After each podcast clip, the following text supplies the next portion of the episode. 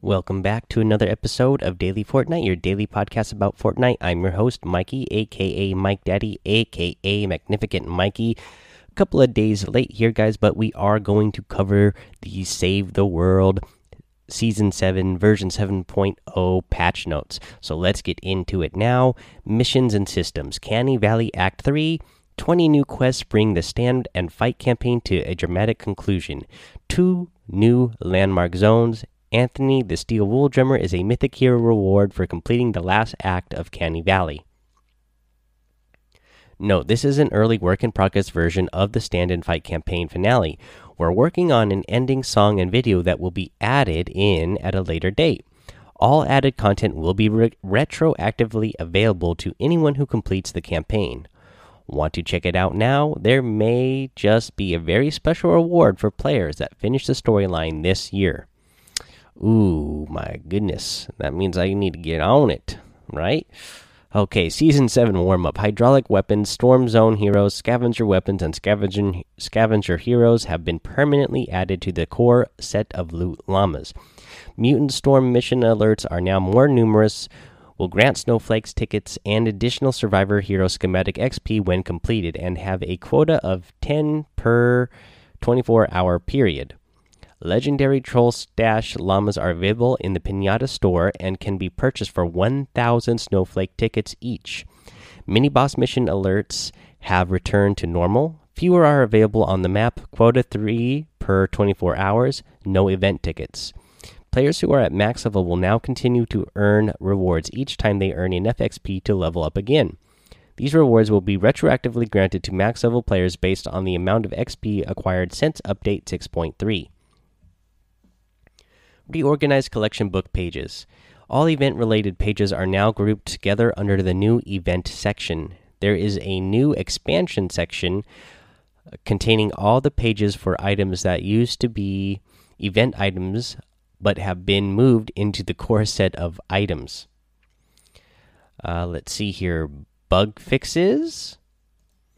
The Battle of Plank Harbor quest now has an accurate objective description. I'm Probably Dead quest now has an accurate objective description. Deeply Disturbing Simulations quest has an updated quest objective description that includes city, suburban, or industrial zone requirement. Also, the quest items now appear properly in the world. Fix the Uncanny achievement so that it requires doing all the story quests currently available in Canny Valley. Quests fight on and pump up the volume now have accurate quest descriptions. They fix an issue that could cause the server to crash when going into a storm shield defense. Fix an issue where some of the zones on the map could improperly lock behind side quests in Canny Valley. Fix an issue where mission alerts could appear on hidden zones in the map that are only available during certain quests and thus not accessible to most players fixed an issue causing Blue Glow not to spawn in group deliver the bomb missions. Fix bad mission locations for deliver the bomb mission in Ghost Town sub biome. Fix clients not receiving a rejoin game option after hard closing the client.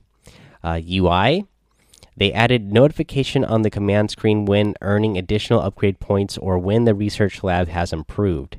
For bug fixes, they fixed an issue where missions were appearing locked for parties with the correct power level. Banners now properly display the player's icon color during the reward sequence. Event store items now retain, retain scroll positions for both event and weekly item views when backing out or switching to another view. They fixed an issue that prevented lead survivors from appearing on top on the top survivor portrait board. Fixed the in zone account level showing as zero fixed issue where the option in the more menu of the schematic screen were showing that they were unchecked when they when there were actually checked. Sorting survivors by name now prioritizes survivors with names over survivors without names.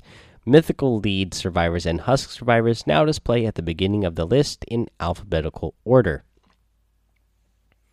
They changed the uh, wording on the pop up displayed when slotting items to the collection book. This prompt will now read This will remove the item from your inventory and add it to your collection book.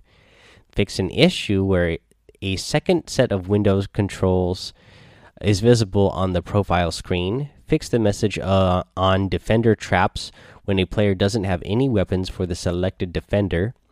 XP Boost now has a visual indicator when used successfully. Fixed fort stats not updating in the survivor squad screen when a slotted survivor is leveled up. Added an input prompt gamepad on to the location selected select screen on the map tab. On the item shop tab under the event section fixed a layout issue where the left and right arrows were misaligned in gamepad mode when on the item purchase screen. Corrected the description used for the XP boosts and fixed an issue where the display of some collection book rewards would be skipped if multiple collection levels are earned from a single slotted item. Performance they optimized the system for checking player proximity to Storm Shield used for triggering audio.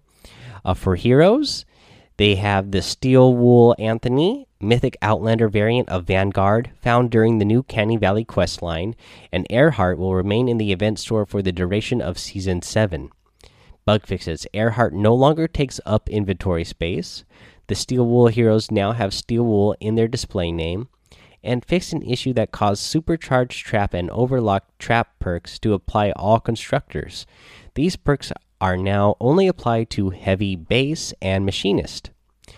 For weapons and items, the Frostbite sniper rifle has returned to the weekly store, a mid to long range rifle that deals good damage and can be fired quickly. It's available from December 5th at 7 p.m. Eastern until December 12th at 7 p.m. Eastern. For gameplay bug fixes, they fix an issue with player levels dropping significantly if the player is left behind in the zone completion phase. Enemies with the damage buff from Frenzied Death Burst will now properly glow red.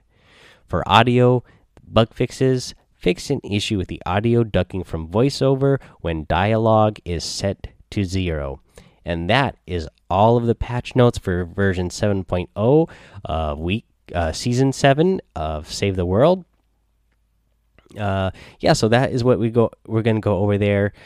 Uh, I'm definitely going to be trying to play a lot more of this this season. I think I'm going to when I'm going to try to hold myself to only buying items from the item shop with V bucks that I earn uh, from Save the World because again in Save the World there are a load of chances to uh, earn a lot of V Bucks. Again, once a week, you're going to unlock V Bucks just for doing the daily sign ins. Uh, you do your missions along the way, you're going to earn uh, V Bucks for doing missions. So I'm going to try to. I would. I would like to buy more outfits uh, this season and more emotes this season, but I'm only going to do it with Save the World. Uh, or, or V Bucks that I earn from Save the World. Uh, you know, I don't have mo most of my outfits and you know cosmetic items that I have have all come from battle passes. So I, would like to start getting some of these really cool looking ones that that come up that come out in the item shop itself. So I'm going to try to play this a little bit more often just so I can get those V bucks. Alrighty, guys, that's the episode. Uh, go go head over to the Discord and join the Discord daily Fortnite. Follow me over on Twitch and subscribe to my YouTube, Mike Daddy, in both of those places. Um, let's see here. Go rate, review, and subscribe to the show on Apple Podcasts and uh, iTunes. Uh, if you leave that five star rating and written review, you're going to get a shout out here on the show. Until next time, guys, have fun, be safe, and don't get lost in the storm.